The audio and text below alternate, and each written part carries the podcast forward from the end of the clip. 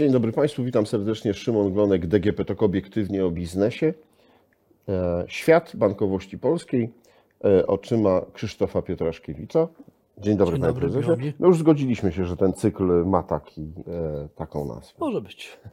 Aczkolwiek też innymi oczyma, bo No to ale tu Pan opowiada i, i po- pokazuje rzeczywiście różne strony i, jak ten system bankowy się budował, jaką rolę odgrywał w tym Związek Banków Polskich, no i wiele, wiele osób, które i e, w Związku Banków Polskich, ale i dookoła były w to e, zaangażowane.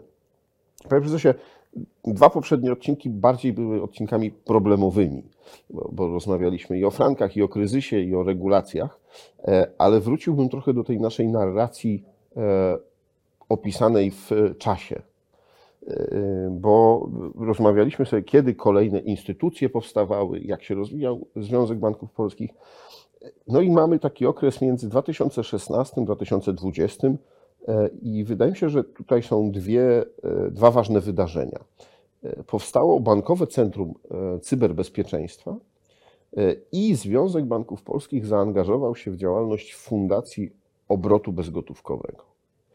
E, No to powiedzmy sobie o tym cyberbezpieczeństwie, bo to jest taki temat, no, z jednej strony bym powiedział trochę modny, bo to, to ładnie na konferencji wpleść, na jakiejkolwiek konferencji wpleść w przemówienie, że tutaj cyberbezpieczeństwo jest ważne, a z drugiej strony no, dotyka on nas codziennie, bo jednak no, dzisiaj przestępcy to już nie są ci przestępcy, o których powiedzieliśmy sobie na samym początku, że zdarzały się napady na konwoje czy na y, oddziały banków, tylko są ci przestępcy, którzy próbują właśnie wykorzystać y, nas, naszą y, czasami zbyt wielką ufność i dostać się do, do naszej bankowości elektronicznej, y, złamać jakieś nasze zabezpieczenia.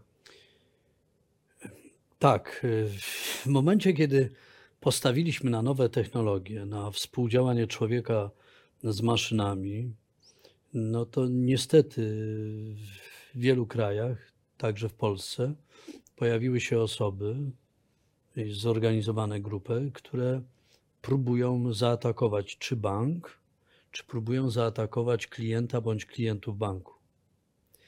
Y, Banki, żeby temu się przeciwstawić i żeby zagwarantować i pokazywać na co dzień klientom, że ich pieniądze są bezpieczne, że mogą spać spokojnie, robią i robiły bardzo wiele do tego, żeby e, blokować nieuprawnione jakieś ingerencje.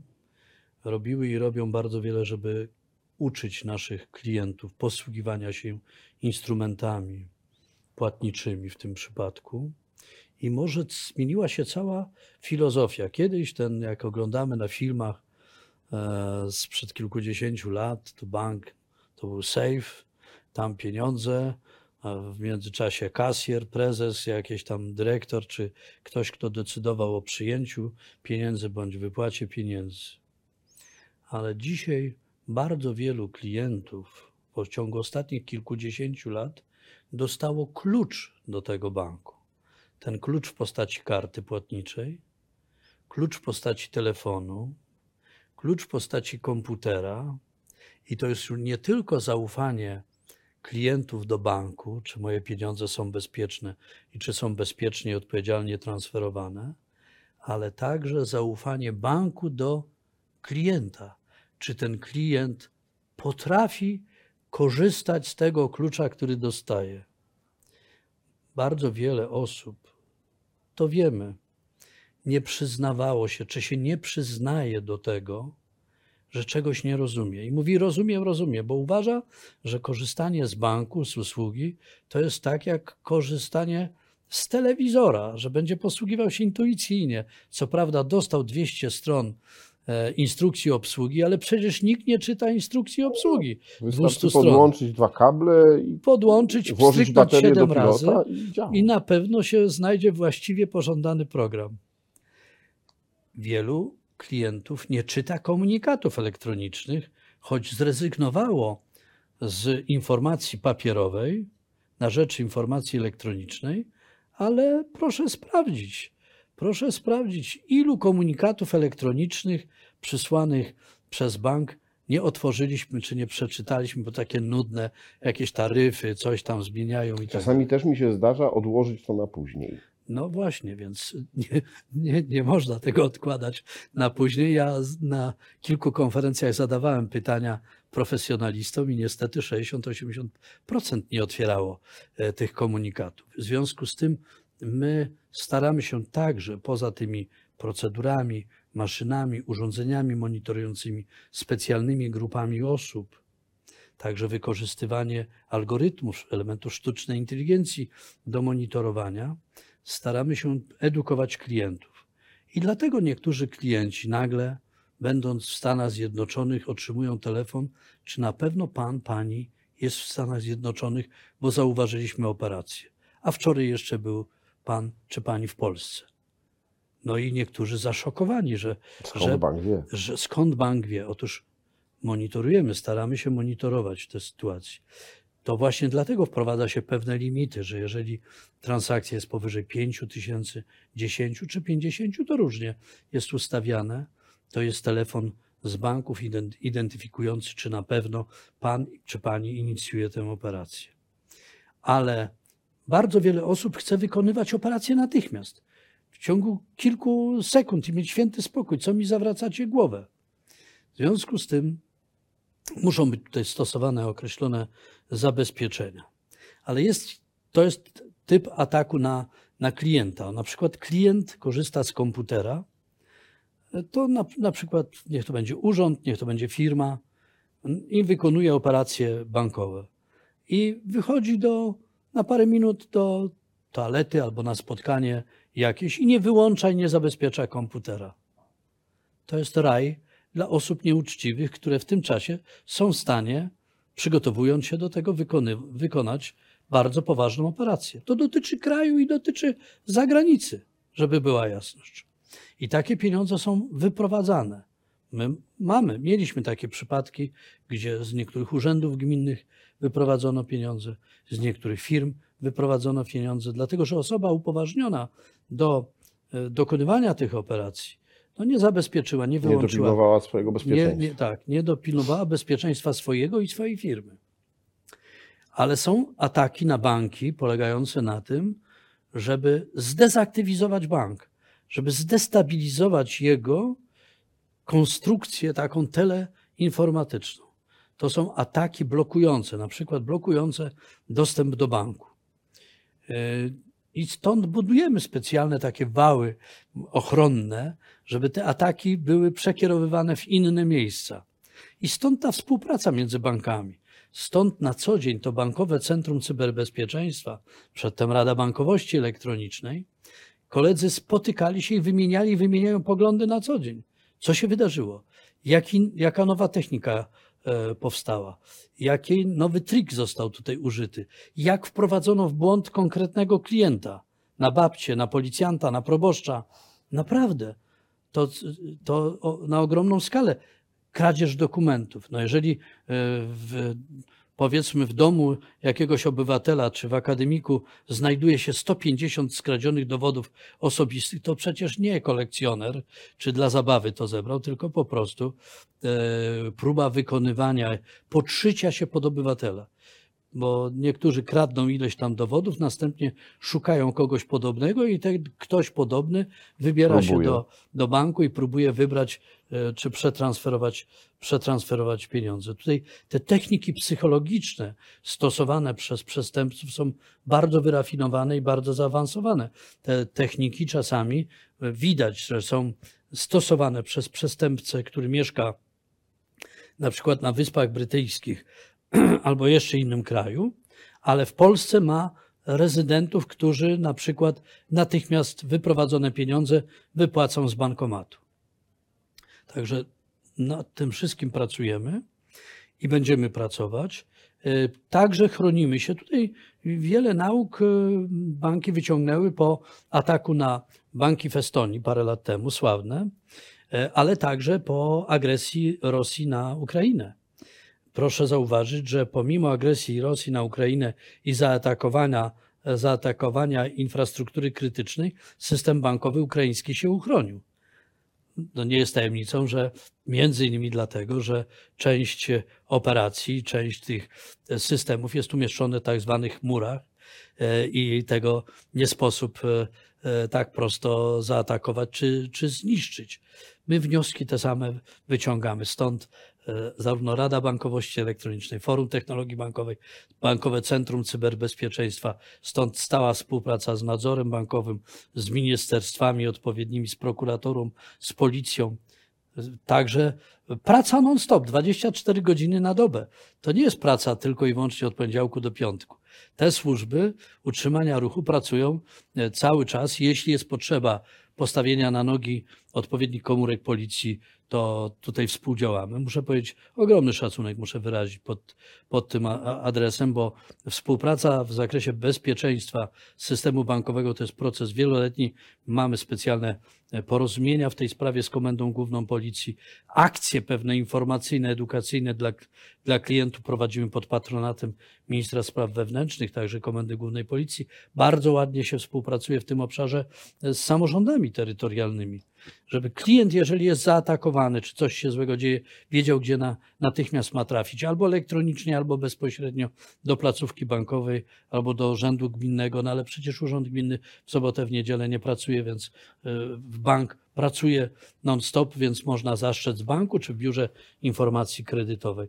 To są te naprawdę nowe rozwiązania, ale także do tego dochodzą rozwiązania przeciwdziałania praniu pieniędzy, znaczy wykorzystywania instytucji finansowych do prania pieniędzy, wykorzystywania instytucji finansowych do prania pieniędzy i e, do handlu na przykład przy użyciu kryptowalut e, i to w takiej konstrukcji, która jest naprawdę na, na przykład zbudowana do tego, żeby oszukiwać ludzi. Bo tutaj różne rozwiązania mogą być lepsze, gorsze i tak dalej. I stąd w bankowości ciągle y, próbujemy stosować rozwiązania, które w sposób umiejętny uniemożliwią wykonywanie niektórych operacji lub które zidentyfikują, że inicjowana operacja jest przez osobę nieuprawnioną, nieupoważnioną do tego i ten wyścig będzie trwał.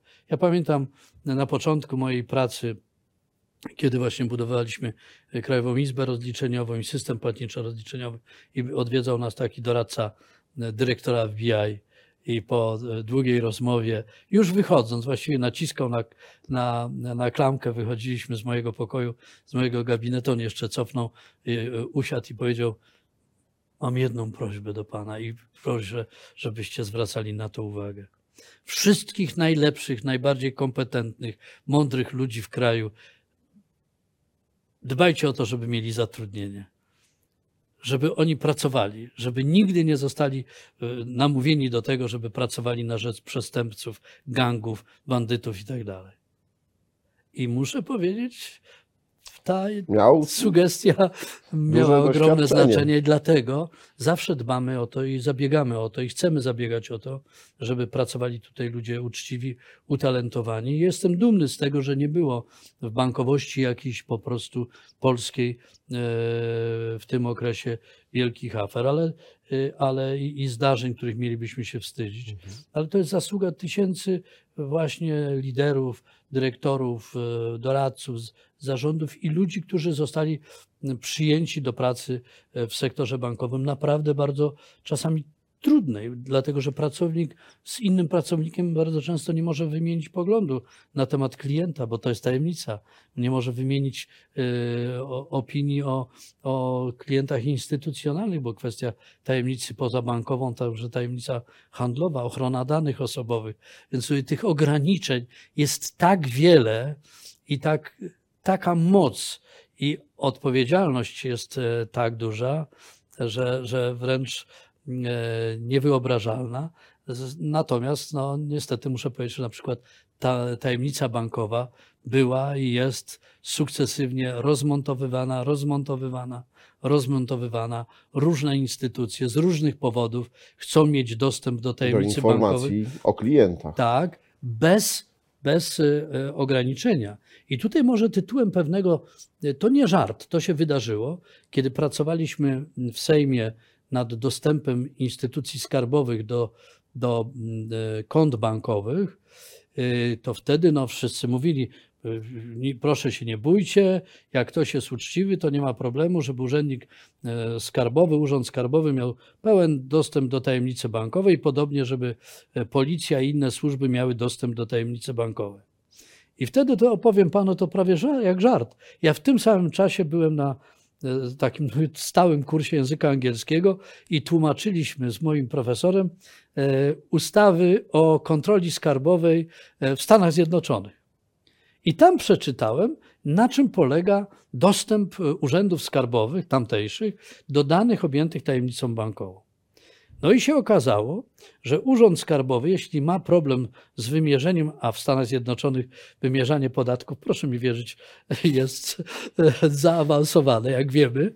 Tak, oni są liberalni, ale jak już wymierzają e, To kary, wymierzają, to tak, już są tak. to. I, i e, okazuje się tam, że Urząd Skarbowy pisze list, to jest sprzed kilkunastu lat, czyli w formie jeszcze papierowej, z kilkoma kopiami.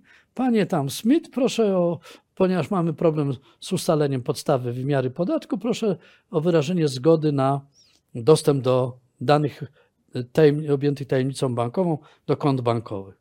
I adresat tego, tej korespondencji dostaje od razu kopię e, tych pism i może wysłać do sądu o zablokowanie tego dostępu, że nie wyrażam zgody, bo nie ma takiej potrzeby, i do wiadomości do, do e, tego urzędu skarbowego czy instytucji skarbowej. Ale instytucja skarbowa ma prawo przełamać to, występując do sądu z argumentami, że jednak jest uzasadnione, Mhm. uzasadniony dostęp do, bo, bo c- czegoś tam, coś tam nie pasuje. I ja to przedstawiłem w Sejmie, jak to wygląda, że można zastosować ten wariant w Polsce także. Ale e, pojawiła się inna sprawa, że część postępowań było prowadzonych w sposób niejawny, pod nadzorem sądu, za zgodą sądu. No ale wtedy ja tłumaczyłem taką sytuację, proszę Państwa. Kiedy przychodzi urząd skarbowy, czy policjant, czy prokurator i mówi, proszę do dyrektora oddziału, proszę mi dać dostęp do danych e, pana, e, nie wiem, X. X, to ten dyrektor oddziału wie, że coś się dzieje z tym panem X, skoro prokurator, czy, y, czy CBA, czy ktoś, inna służba występuje o jego dane. I proszę teraz sobie z, z, zastanowić się, jak traktuje dyrektor i pracownicy oddziału tego banku takiego klienta, w sprawie którego pytał e, prokurator, czy policja, czy jakieś służby. I tłumaczyłem, że musi trafić zwrotnie informacja do tego oddziału bankowego. Ta procedura pod nadzorem sądu się odbywała, to prawda, ale jaki jest efekt tego? Czy postawiono zarzut? Czy ten Podejrzenia się X potwierdziły, jest, czy nie, nie. wiem, złodziejem, bandytą, jakieś wymuszenia, bo różne mogą. Prał pieniądze, Czy jest tylko przypadkowo e, Tak. zbieżność nazwisk? I muszę powiedzieć, że akurat ambasady, w ambasadzie amerykańskiej był z jakąś wizytą jeden z prokuratorów e, amerykańskich. Zaproszony został na posiedzenie komisji sejmowej. Proszę zobaczyć, jak się pracowało nad e, ustawami. I on powiedział bardzo znamienne słowa. My do naszych urzędników, tych skarbowych, do naszych prokuratorów, czy tam sędziów, śledczych i tak dalej, mamy i policjantów mamy ogromne zaufanie. Ale Mhm. sprawdzamy.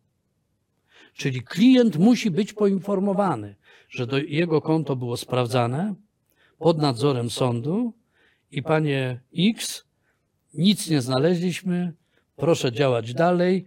Bank, nic nie znaleźliśmy, nie było, nie potwierdziły się, nie po- potwierdził się donos, anonim czy co, cokolwiek. No, z naszą demokracją chyba niestety nie jest tak dobrze, bo nawet z tego co wiem, e, osoby, które były, których telefon był na tak zwanym podsłuchu, czy był monitorowany, nie zawsze są powiadamiane o tym, jeśli się zarzuty wobec nich nie potwierdzą. To jest jeden z przykładów. Takim bardziej drastycznym przykładem jest dla mnie e, aresztowanie i e, zatrzymanie e, przedstawicieli Komisji Nadzoru Finansowego w Polsce. To uważam, że państwo zawiodło tutaj w całej rozciągłości.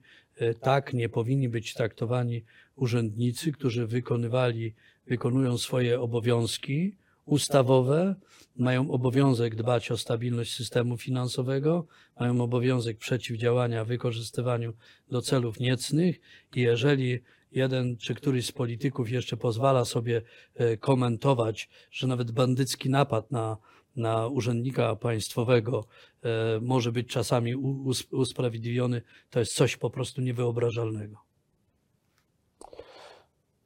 Podpisuję się, panie prezesie. Fundacja Obrotu Bezgotówkowego e, wzbudza obrót bezgotówkowy duże kontrowersje. E, Są grupy, które są zafascynowane, że, że rzeczywiście wszędzie można zapłacić kartą, telefonem, e, zegarkiem, no w zależności od tego, jakie kto ma urządzenie i, i, i możliwości techniczne. E, Są osoby, które uważają, że to jest zabranie nam wolności, y, zabranie nam pewnych instrumentów, że, że rzeczywiście, jeśli nie będziemy mieli tej gotówki fizycznie przy sobie, no to, to, to coś tracimy. Najczęściej mówią o wolności. Jak to wygląda z punktu widzenia technicznego, z punktu widzenia banków? W Polsce myśmy e, system ten płatniczo-rozliczeniowy i całe, całą sieć e, zaczęli budować z, e, 20-30 lat później niż w innych krajach. Z powodu także problemów telekomunikacyjnych, także nie było możliwości zbudowania szybko sieci. A liczba osób, które posiadają karty płatnicze, wzrosła bardzo mocno i bardzo wiele osób zwracało i zwraca uwagę na to, że ma karty płatnicze, ma pieniądze, natomiast nie jest w stanie zapłacić w określonym sklepie, punkcie usługowym e,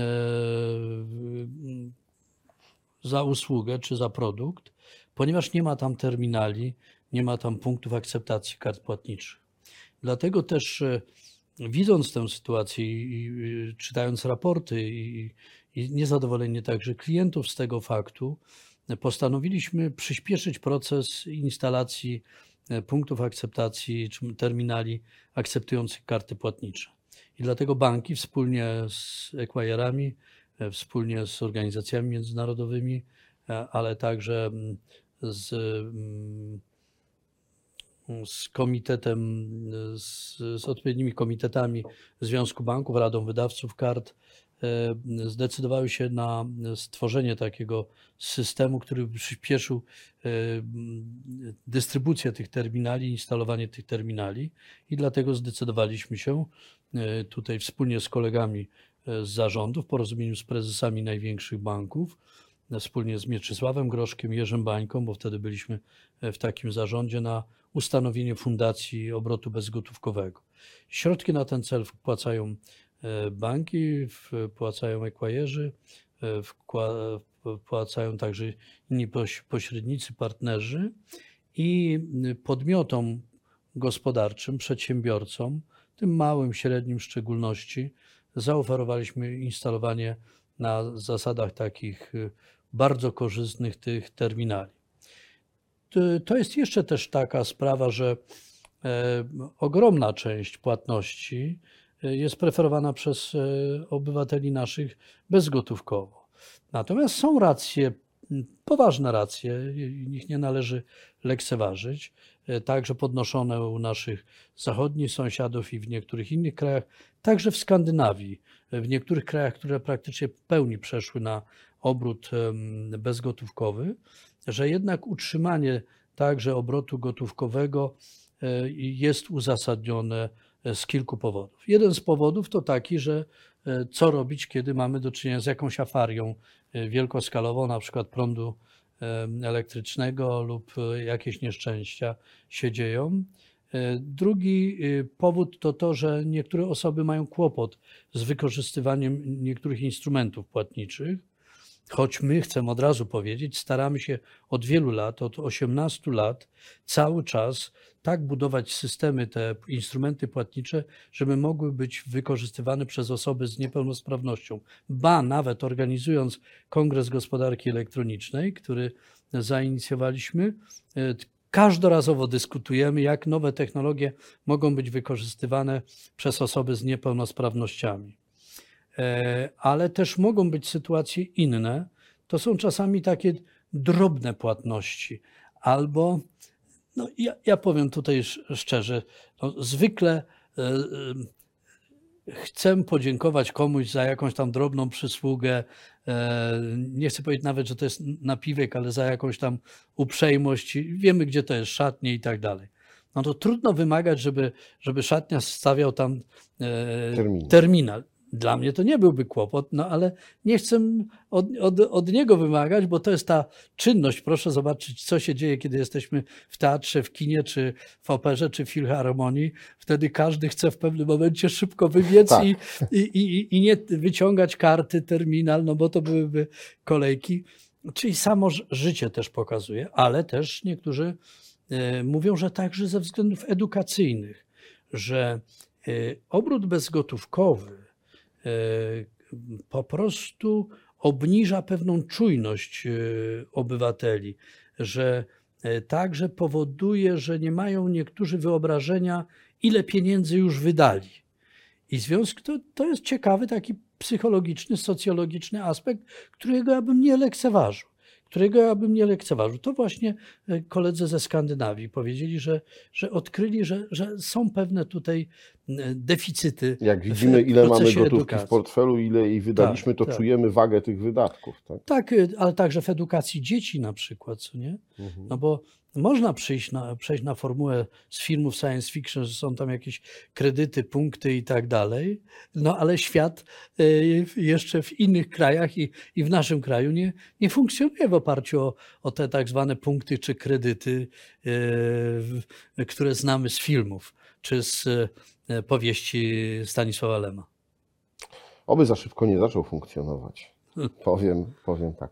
Panie prezesie, serdecznie dziękuję za e, dzisiejszą rozmowę i, za przybliżenie nam tych kwestii bezpieczeństwa, e, no, które też łączą się z obrotem bezgotówkowym e, w dużej mierze i, i, są naszą dzisiejszą codziennością. E, moim i Państwa gościem w podcaście DGP Talk obiektywnie o biznesie e, był Krzysztof Pietraszkiewicz, e, wieloletni prezes Związku Banków Polskich. A rozmawiał Szymon Glonek. Do usłyszenia. Bardzo dziękuję.